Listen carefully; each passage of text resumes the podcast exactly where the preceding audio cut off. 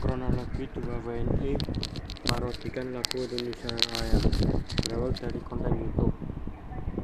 Jakarta Kompas.com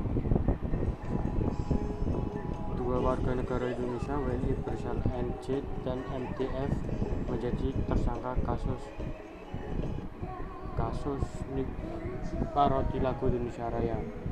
NJ diamankan polisi di Raja Malaysia PDFM di Sabah, Malaysia sedangkan MTF yang masih duduk di bangku kelas 3 SMP diringkus Direktorat Tindak Pidana Siber di, di, Siber Barreskrim Polri di Kediaman Cianjur, Jawa Barat, Kamis 31 Desember 2020. Kadif Humas Polri Irjen Pol Argo Yuwono menyebut keduanya mempunyai hubungan pertemanan di media maya. Intinya bahwa antara NG yang sabar kemudian MTF yang ada di Cianjur ini adalah berteman.